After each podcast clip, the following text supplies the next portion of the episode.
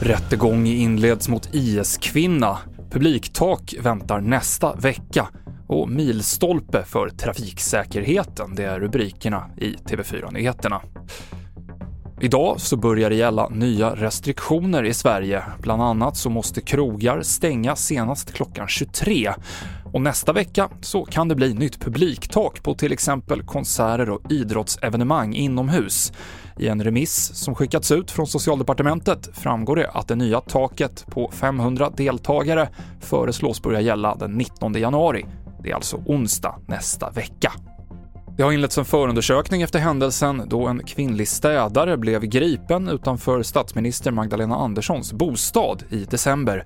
Kvinnan visade sig sedan sakna uppehållstillstånd och var efterlyst. Anmälan innehåller enligt SVT tre stycken brottsrubriceringar och samtliga gäller brott mot utlänningslagen.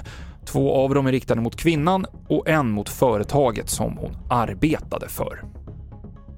En 49-årig kvinna är den första i Sverige att åtalas för krigsförbrytelse genom användande av barnsoldat. En av hennes söner stred enligt åklagaren för terrorsekten IS i Syrien och dog där 16 år gammal.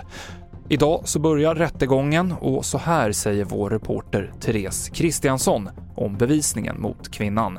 Det man har som bevisning är ju framförallt mycket, mycket bilder faktiskt där man ser den här pojken posera med eh, vapen, eh, ganska tunga vapen som ju helt klart ska egentligen hanteras av vuxna utbildade eh, personer.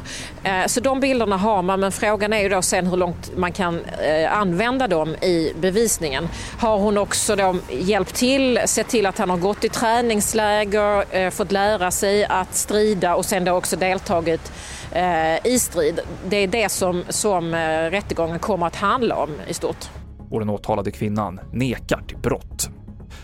Och antalet döda i trafiken minskade under 2021.